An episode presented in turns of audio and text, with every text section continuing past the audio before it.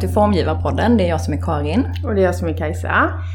Eh, idag har vi med oss Susanna Wåhlin som är delägare och senior inredningsarkitekt i Stockholmbaserade Note Design Studio som grundades 2008. Note Design Studio består av en grupp personer med olika kompetens som arbetar med uppdrag inom arkitektur, interiör, produkt, möbel, grafisk design och designstrategi.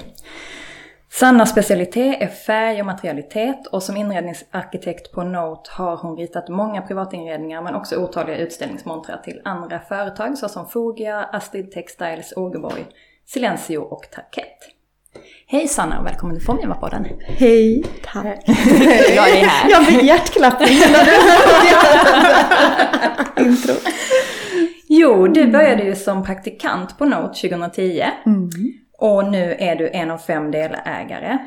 Mm. Eh, hur har Note Design Studios resa sett ut eh, från när du kom in och tills idag?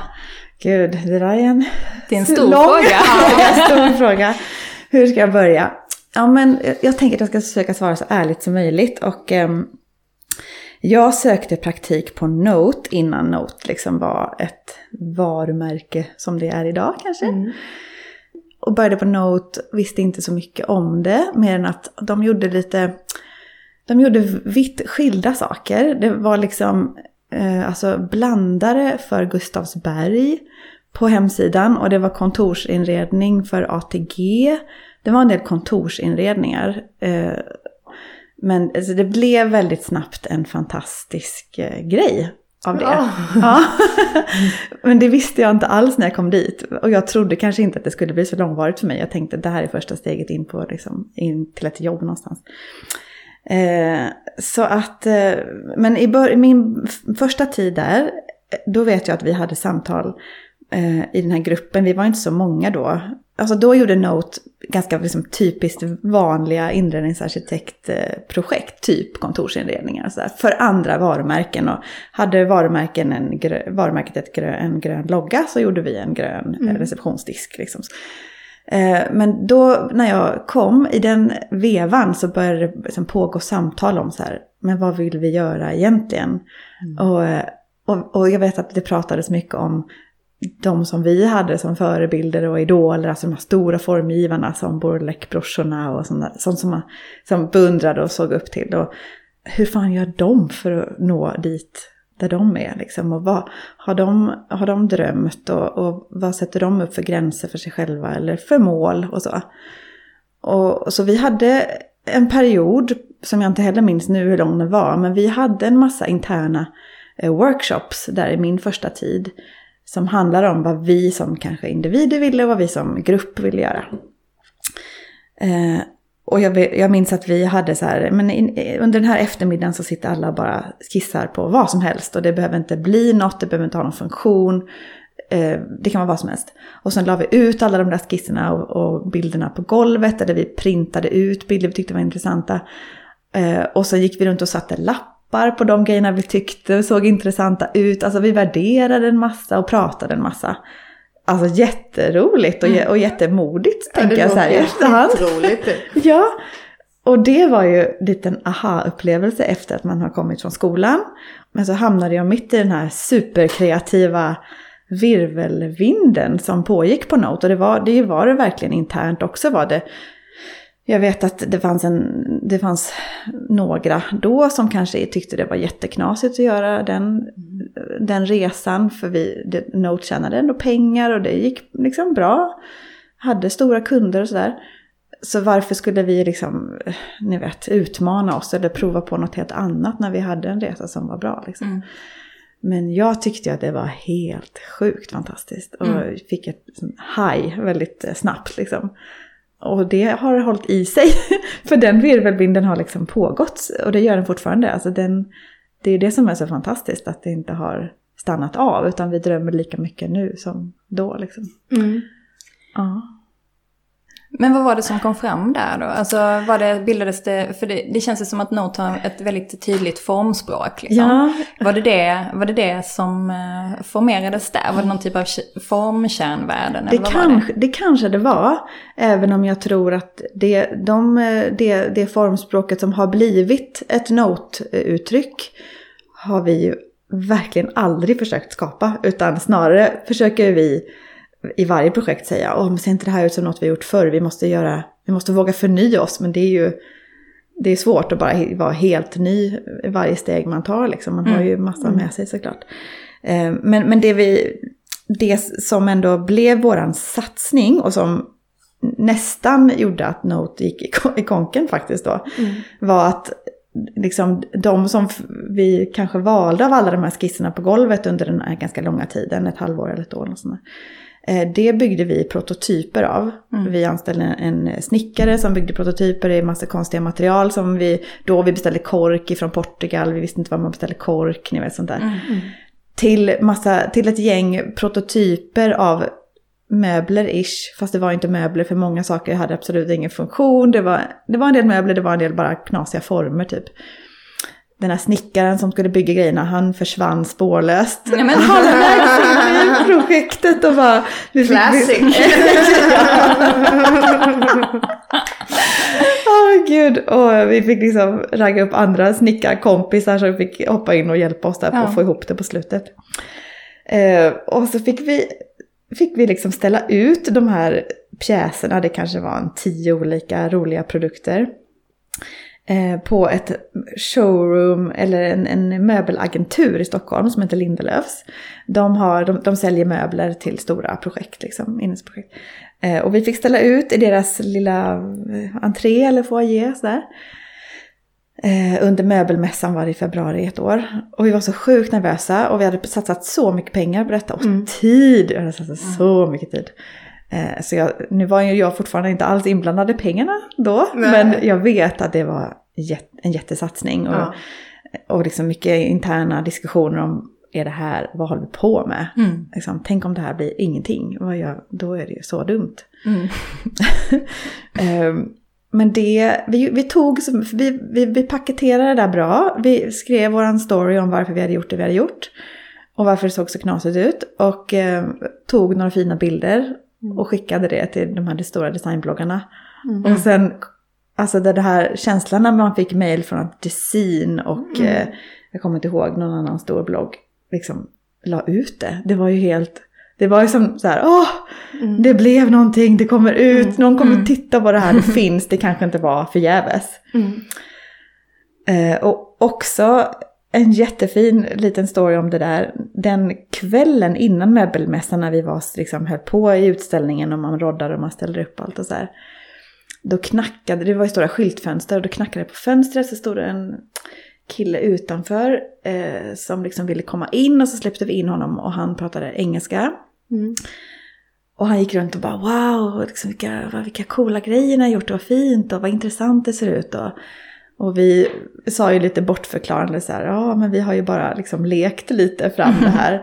Och, då, och det är där citat som vi har haft med oss sedan dess, då sa han maybe you should play all the time. Mm. Ja. Och det var Jaime Hayon Nej. som kom in. Så bara, så vi hade, jag bara, fan, jag känner igen honom.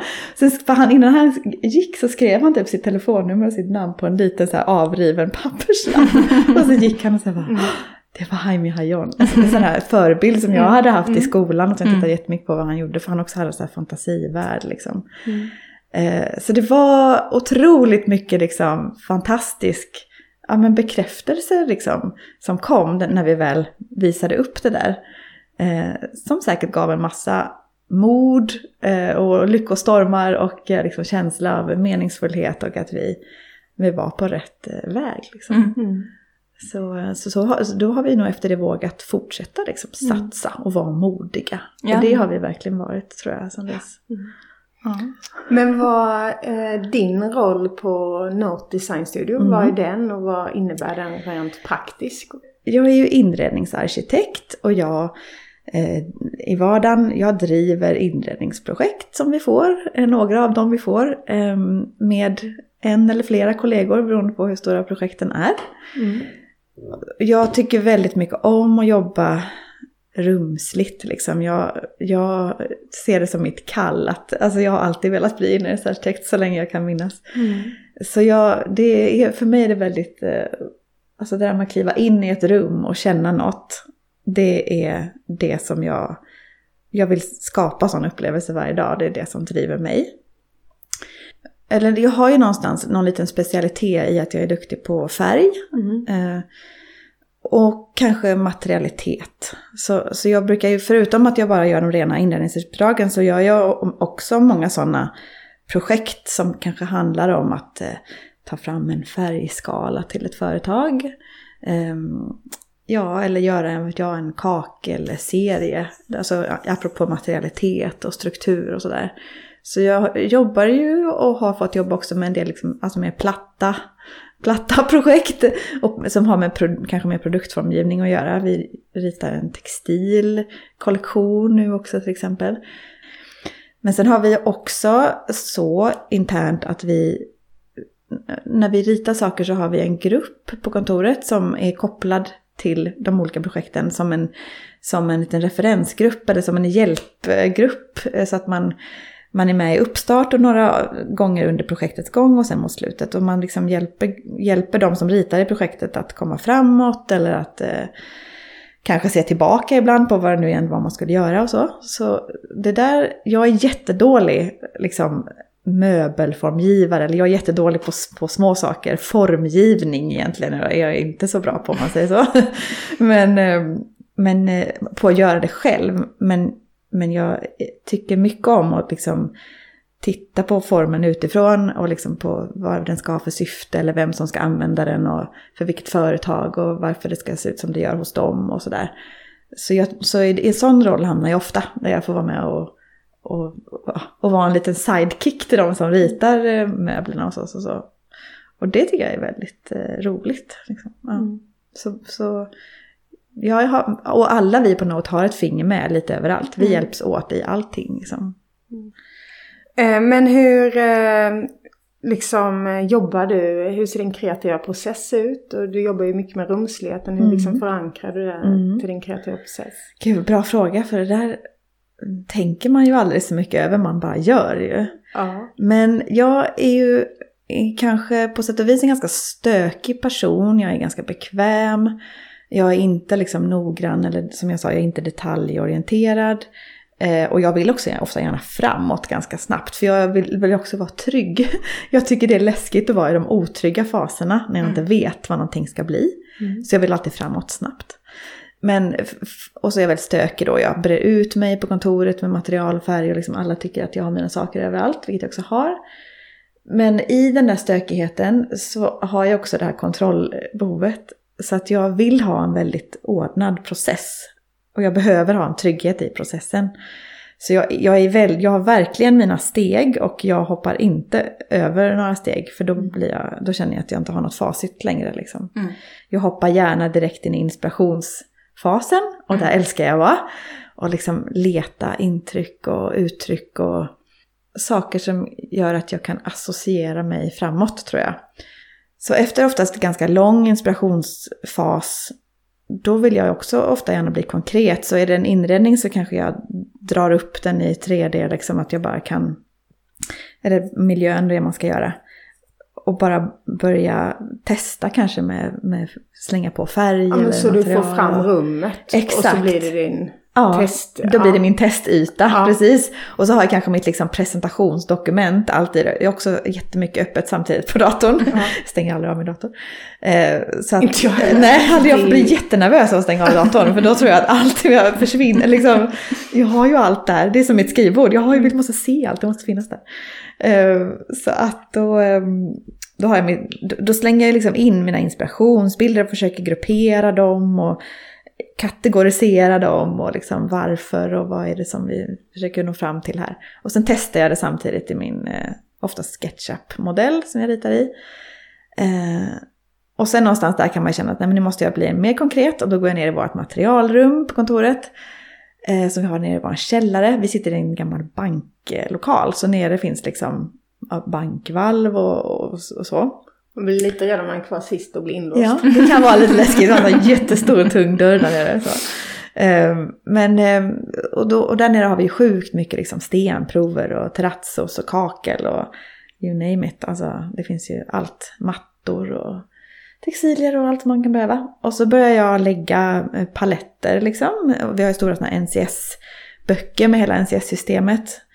Och så börjar man leta liksom vilka toner som passar med vilken sten eller vilka material det nu ska vara som skapar det där uttrycket som man har i sitt InDesign-dokument. Alltså som, ska det vara modernt eller eklektiskt eller eh, klassiskt eller liksom, ska det bara vara stiligt eller allt de där värdeorden man hittar liksom där i inspirationsfasen. Så har jag min palett. Och då någonstans där kanske man presenterar för kund liksom den här första, första uttrycket med ja, material, färg, eh, vilka saker man vill försöka nå. Och, och, om de är, säger ja till det, då börjar man ju rita mer detaljerat, liksom, rita ut saker. Alltså börjar kanske formge, om man nu ska säga så, då, formge sin interiör mer. Eh, tills, ja, och så detaljerar man sig fram tills det är ganska paketerat och klart. Mm. Eh, så det, ja, och det, ja, min process är väl likadan i alla projekt. Och jag måste liksom alltid ha väldigt tydligt för mig vad det är, alltså varför jag gör det jag gör, för vem det jag gör det jag gör, vad man ska uppleva där, vem ska uppleva det.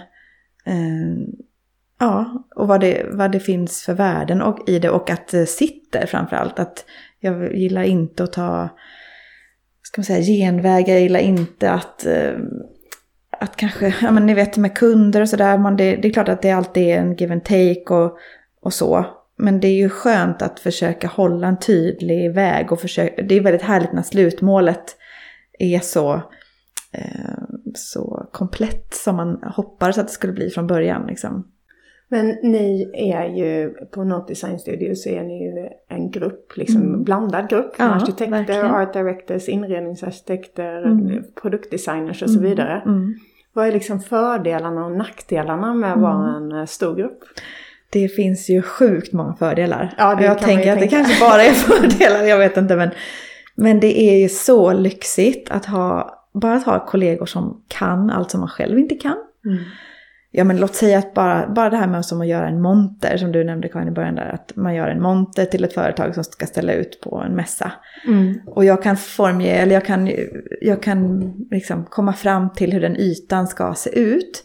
Men sen ska det också till kanske något, det ska in grafiska inslag, någon skylt eller en liten broschyr eller något, något tryckt material. Och då är det ju så, eller kanske en, en påse, alltså så en giveaway, någon fin påse som också förmedlar det här uttrycket och, och varumärket som finns i monten. Och då kan jag jobba med min kollega som är grafisk formgivare. Mm. Och så kan eh, hon tolka eh, liksom kanske min första inspirationsfas och allt det här. Och så, så bollar massa idéer om det där. Och så bygger man den här världen tillsammans. Eh, med alla liksom ja, på alla fronter som man kan. Mm. Det är ju sjukt kul alltså, tycker jag. Men då tänker jag eh, att eh, er grupp består då av ganska prestigelösa. Att man, ja. eh, för det är ju en viktig ingrediens mm, det om det ska vara en give and take. Ja, att alla vill, att alla är införstådda med vad målet är. Mm. Och att man släpper ja då om man ska göra den grafiska mm. påsen att förstå att då måste jag bygga på mm. Sannas koncept. Mm. Då kan inte jag bara så här Vadå? Nej, jag tycker inte om den här färgen. Liksom. för, för, mm. Det är ju en viktig ingrediens för att det ska bli den här virvlen uppåt ja. liksom. Ja. Påbyggnads eh, Väldigt sant. DNA. Mm, precis, och så det är, nog, det är nog så att ansluter man sig till en grupp som vi är nu, vi är nu typ 20 pers, 18 tror jag. Eh, så är det nog för att man eh, tycker att det är roligt mm. att få ge, alltså få det, ja, skapa tillsammans liksom. Ja. Och att allting blir bättre när man är mm. många. Även om det också kan vara jättejobbigt, det tar ju lång tid och man kan bli oense. Och liksom, man tycker ju ofta olika liksom, om man ska försöka samarbeta med någon som kanske har bara en helt annan stil än egentligen. Ja. Mm. Men då gäller det verkligen att ha med sig de där första faserna, varför man gör det man gör och varför det ska se ut på ett visst sätt. Så att man kan för, jag, för vi är nog alla väldigt prestigelösa, det tror jag, men vi är också väldigt envisa allihopa. Mm. Å andra sidan, vi, och jag inte minst, alltså om jag är övertygad om att något ska vara på ett visst sätt, då är jag verkligen det. Mm. liksom. Och det är vi alla, och det kan bli sura miner och liksom hård, mm. in, inte hårda samtal, men ja men alla står för sin sak tills man blir motbevisad. Mm. Eh, så att prestigelöst absolut, men envist är det också. Mm. Eh, men det, det, hade ju inte varit så roligt om man bara gav upp. Eller liksom om, mm. om man inte brydde sig så mycket. För det är ju bara nej, att alla bryr sig. Det tyder också på att alla bryr sig. Ja, exakt. Men är det tydligt då vem som liksom, så att säga äger ett projekt? Mm. Alltså jag tänker sådär om man, om man är många som jobbar, Mm. alltså jag tänker inom om, om man gör en tv-serie så finns det ju någon som är showrunner för det mesta. Som liksom är Mm. Precis. den som, den som ändå har sista ordet. Ja, precis. Har, ni, har ni det så också? Det, det blir ju så, eh, även om man inte vill att det ska bli så tror jag. För att Mm. kanske de som har mer erfarenhet har kanske lättare att lägga fram argumenten till exempel. Så det är ofrånkomligt tror jag. Mm. Men också lite, ofta är det ju också bra att den som har varit med väldigt länge vet en massa om hur det kommer funka sen när det här kommer, är, är släppt eller vad man ska säga, när det Mm. kommer, kommer i mål. Men vi har ju inge, vi har absolut ingen sån här, eh, alltså alla, alla kommer till tals, alla får lägga fram sina argument och bästa argument vinner. Mm. Så är det verkligen. Eh, Så då finns det lyhördhet också. mm, det gör det. Eh, Men sen tänker jag att det är ganska viktigt att veta vem som Mm. går in för då kanske man tar in det konceptet. Mm. Vem, vem har lite mer makt i början Mm. och sen så lyssnar man på vägen Mm. och det kan formas om. Mm. Men jag gillar ju att det finns någon som leder. Ja, Och som har, för då är det lättare att bygga på Ja. om, när det är det där outtalade. Mm, precis. då kan det bli lite clinchigt. ja Mm. exakt. Det tycker jag, precis så känner jag också. Det här med att man vill ha den här tydligheten i Ja men processen. den leder faktiskt. Ja. Nu Sanna Ja. leder Ja. det här konceptet och det är hon som har sista ordet. Men hon Exakt. kommer ta in vad ni alla andra Ja. säger. Ja. Och om någon har en bättre idé så kommer den komma på bordet. Precis, ja. Men Och så skulle jag kanske snarare, snarare säga att vi börjar otroligt öppet. Vi sätter oss och gör en POD som det heter. eh, Point of Departure. Där vi liksom svarar på en massa frågor om det här med vem, vem det är till för projektet och Mm. vad det finns för mål och, och svårigheter och begränsningar och allt sånt där. Så att alla har samma förutsättningar från början. Och vi har alltid, vi börjar alltid med att alla idéer ska upp på bordet. Och då är det ju ingen som är, det finns ingen som är värd mer än någon annan liksom. Mm. Men kanske snarare ju längre projektet går att man märker att kanske att de som har varit med längst framförallt att de har lättast att se och lä, utläsa vad som håller bäst kanske eller vad som är ja, bäst att, att eh, bli slutresultat liksom. Mm. Och jag tycker också det är skönt när någon kommer in och leder som du säger. Mm. jag har väldigt lätt att bygga på då. Ja. Men när det är otydligt. Vem, Ja. Alltså då, vad förväntas av mig? Precis. Vad förväntas, alltså Ja men precis, vilken roll ska jag ta? Ja. Ja. Vad tror du, alltså eh, Not Design Studio har ju nått en väldigt fin framgång. Mm. Vad tror du, varför har ni gjort det? Jag tror att det är, eh, det finns ju många liksom aspekter såklart som har gjort det där. Eh, men, men modet någonstans, också att vi har vågat eh, drömma, att vi har vågat liksom vilja en massa. Och kanske varit ganska naiva på vägen och vågat satsa mycket. Liksom. Vi har inte varit så trygga i liksom så här, vi har tagit små steg och safeat. Och det har vi kanske då också klarat för att vi är en grupp. Det hade varit mycket svårare tror jag att vara så modig om man är ensam. Men Mm. vi har kunnat liksom förlita oss på varandra och peppa varandra. Och liksom, eh, ja, man gör det ihop liksom. Det, då blir man modigare tror jag. Eller vi har blivit det. Eh, sen har, nöjer vi oss aldrig. Alltså vi är, i varje projekt tror jag vi har, alla har den här ambitionen att det ska bli så jävla bra. liksom, Mm. det, ska, det, åh, det ska bli fantastiskt. Och man har de här, ja, varje projekt är som ens pärla och man tänker, man, man tänker inte att man ska halvvägs utan att man tänker liksom, hur långt kan vi nå? Så tänker Mm. man, hur bra kan det här bli? Och hur mycket kan jag övertala liksom, tala eller få den här kunden att vara med på den här resan och satsa det här som behövs satsas så att verkligen blir något. Mm.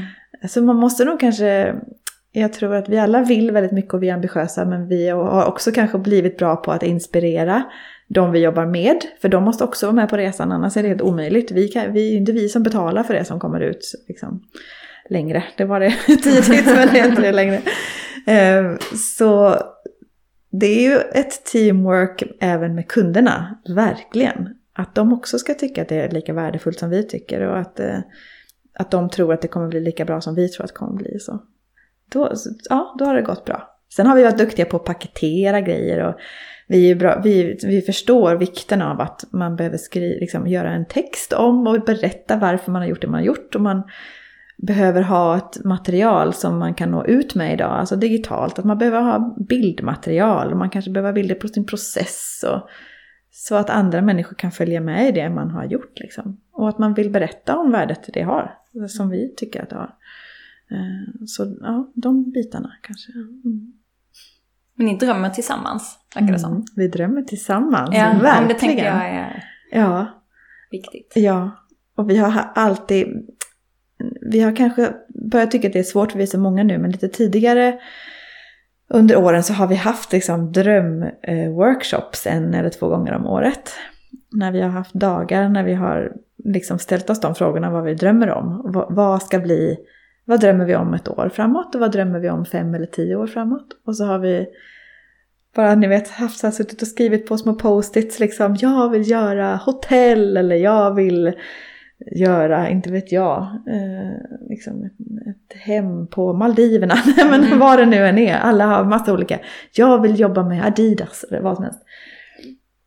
Och eh, haft, haft dagar när vi har pratat om vad vi drömmer om. För att vi började så, vad vi drömde om. Och vi har mm. fortsatt, in, vi har verkligen, eh, det, det, man, måste, ja, man måste påminna sig om och fråga sig det ibland. Vad, vart vill jag? Vad är nästa steg liksom? Och vart, hur långt kan, kan jag komma? Eller hur långt? Det finns ju kanske inga begränsningar eller gränser. Liksom. Det är man själv som sätter upp dem. Så, mm. eh, så att vi drömmer tillsammans. Så vi har haft de här drömworkshop-dagarna innan. Sen har det blivit så svårt när vi är så många att liksom, så nu har vi, vi gör det på lite andra sätt nu. Men vi gör det, det är absolut fortfarande. Mm. Um, ja, och jag kan tycka att det är svårt själv när man, när man de dagarna när de kommer så här, men gud vad drömmer jag om egentligen? För jag kan också tycka att varje dag, alltså jag låter så naiv, men jag, jag kan nypa mig i armen varje dag. För att jag tycker att jag har så kul. Mm. Att jag tycker att det är så ja, roligt att vara på mitt jobb varje dag och få göra det jag gör. Och att det kanske liksom, på sätt och vis kan jag liksom, det räcker med min vardag, det är det jag drömmer om. Mm. Men det är klart att det finns mer att drömma om. Liksom. Och eh, det är bra att göra och, och prata om det tillsammans med andra som orkar lyssna. Men jag tänker, det är ju, jag tänker liksom att drömma om och framgång mm. är ju mm. samma sak. Hur definierar man framgång? Ja. Hur definierar man en dröm? Var, det handlar ju också om att eh, Alltså beroende på vem man är. Man mm. kanske vill ha ett privatliv. Ja. Som man också har eh, liksom ja. möjlighet att investera i. Ja. Och att få gå till jobbet och ha mm. roligt. Det mm. är väl en framgång och en dröm. Ja, alltså, precis. Beroende på hur man ser det eller ja, vad man vill. Och, Så det är viktigt att vara tacksam tänker jag och se till vad man har. För annars spelar det ingen roll vad det är för nya Nej. saker eller drömmar Nej. som uppfylls om man bara egentligen inte har tagit tempen på Nej. vad är min Nej, liksom, eh, exakt. formel för att jag ska må bra och Nej. vara framgångsrik. Nej. Enligt mig, Nej, inte precis. enligt världen. Nej, nej. men jag, man kan ju höra ibland om man sitter och pratar med liksom, vänner och bekanta om, om, och jag sitter bara och pratar om hur jag, jo jag tycker det är så kul på mitt mm. jobb och jag har så roligt. Och det kan liksom låta på olika sätt tror jag. Det kan låta konstigt eller märkligt eller det kan säkert också låta som skryt ibland. Alltså så här... Nej, jag tycker de svenskarna måste ja, sluta släppa sargen. Förlåt ja, men... Ja, men det är bra att du säger För jag tänker ju Man måste ju så. kunna vara glad åt någon annan. ja, ja, om de är dina exakt, vänner som ja. säger Gud vad ja. roligt att Sanna har så ja, Då kan de inte sitta där och vara sura. exakt. Jag, jag tolererar. Ja, det är bra. Det är bra, bra. Nej. De vännerna finns inte i mitt liv. Nej. de är inga vänner. Det är tufft för dem. Ja, nej men att man vill... Eh, ja, precis. Jag, jag, jag, också, jag är sjukt tacksam också som du säger. Jag är tacksam varje dag faktiskt. Mm. Att jag får, får eh, vara på den platsen jag är. Liksom. Jag har väldigt roligt. Men söker ni, liksom, alltså om någon säger att eh, dens högsta dröm är att jobba med Adidas. Ja. Söker ni då. Eh, ett samarbete med Adidas? Ja. Liksom? ja, det är det som är så bra med de där drömworkshopsen. För då kommer allting upp och blir väldigt konkret. Mm. Och då gör vi också så här, ja men hur gör vi det då? Och så skriver man ett mejl eller så försöker man klura på vem, man, vem som känner någon som känner någon som kan klura ut hur man får en mejladress till någon. liksom. mm. eh, så jag har skrivit många sådana där mejl på vinst och förlust. Liksom mm. att hej vill ni ses? Och det funkar ju ofta. Inte mm. alltid, absolut inte alltid. Men, eller, så, eller så kommer ett projekt sen som råkar vara ni vet, alltså saker och ting bara händer sen när man Mm. har, som att man bara för att man vågar drömma så händer det. Ja, för att man uttalar drömmen. Det är Man ju det. uttalar alltså. drömmen, ja. Men jag tror att det är, för det där med att uttala sin dröm, Mm. det innebär ju också att den blir sann för en själv. Och att man kanske börjar jobba mot det. Precis. Alltså omedvetet Ja. så kanske man gör olika val för att man har det liksom uttalat. Ja, så är det ju garanterat. Och plötsligt ser man öppningar liksom. Det Mm. kanske kommer ett projekt som, jag, som visar sig kan bli, om jag bara gör lite så här och så här, så kan det bli det där drömprojektet jag tänkte på. Mm. Men ni då har ju väldigt, eh, vad ska man säga, stark struktur för att Mm. faktiskt eh, upprätthålla en fin dynamik i gruppen. Mm. Som jag tror också når framgång. Men även för att fånga upp folks drömmar och viljor och så vidare. Mm. Eh, men hur utvecklar man liksom sitt formspråk och Mm. Gud vad svårt liksom kring entusiasm? Ja. För man kan ju ha en dröm så. Och det är ju så mål man har. Mm. Men liksom hur fortsätter man? Utvecklas. Utvecklas. Mm. Det är ju skitsvårt, tycker Ja. jag också. Mm. Eh, och jag, För man har ju en smak typ. man har en smak, exakt. Och, man, Och väldigt säker. är väldigt säker. det, här, det här är finast. ja. eh, men då är det ju väldigt bra att ha kollegor. Mm. och det kan också vara jätte... Vi har ju, jag har en kollega, Cristiano, som ofta Mm. är, ställer den där frågan. Ja men hur, vi måste förnya oss. Eller hur ska vi förnya oss? Eller hur tar vi nästa steg? Mm. Och jag kan tycka det är jätteirriterande när han Mm. säger så. För att det är jättejobbigt.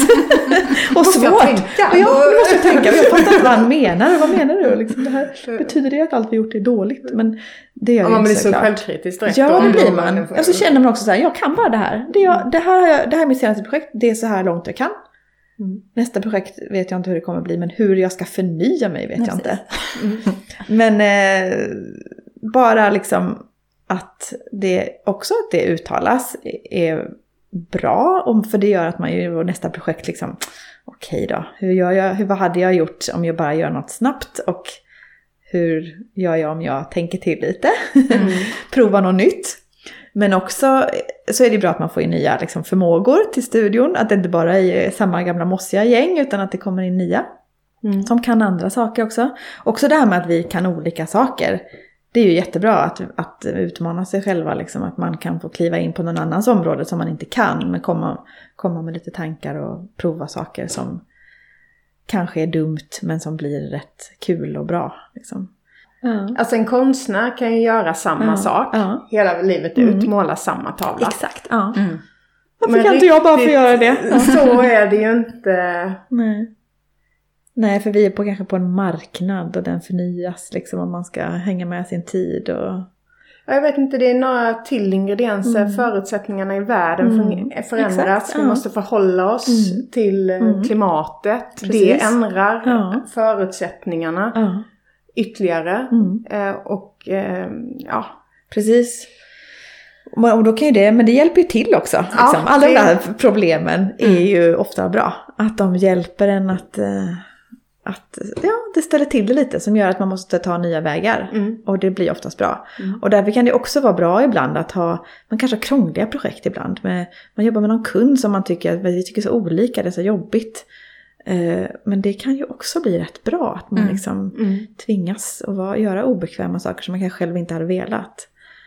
Ehm, hur, hur tänker ni kring framtiden då? Mm. Igen om man går på Mm. den. Du som Mm. inredningsarkitekt Mm. och Note Design Studio som liksom en helhet. Mm. Vad eh, har pandemin liksom påverkat det någonting som Mm. gör att man får en klarare vision? Eller är det samma? Eller vad ska säga? Det är nog inte samma. Sen är det nog svårt att säga än vad det Mm. kommer bli.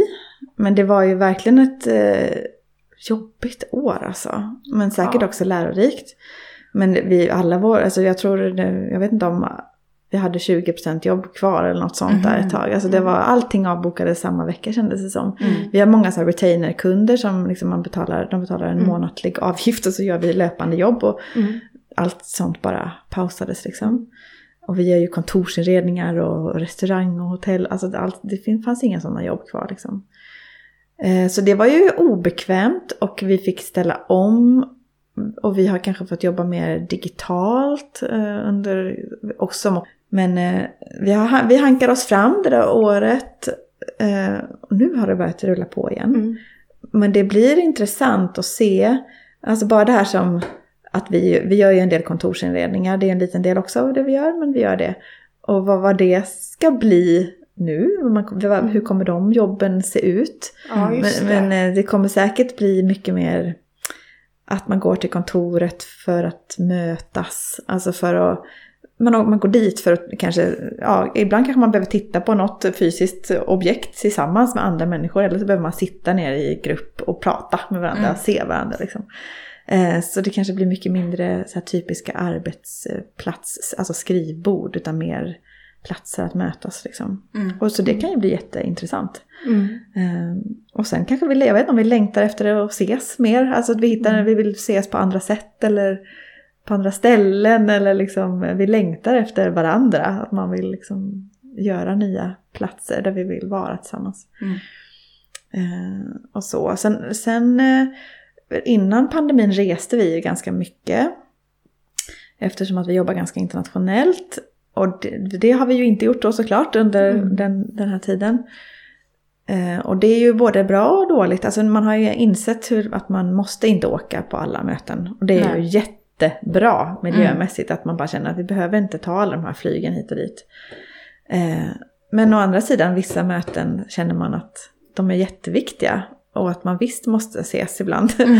Så jag tror vi kommer, vi kommer nog resa lite mer, alltså vi kommer åt, börja resa lite mer igen. Men inte alls i den graden vi gjorde förut. Men vi har också anställt folk som sitter i andra delar av världen nu, bara en sån sak liksom.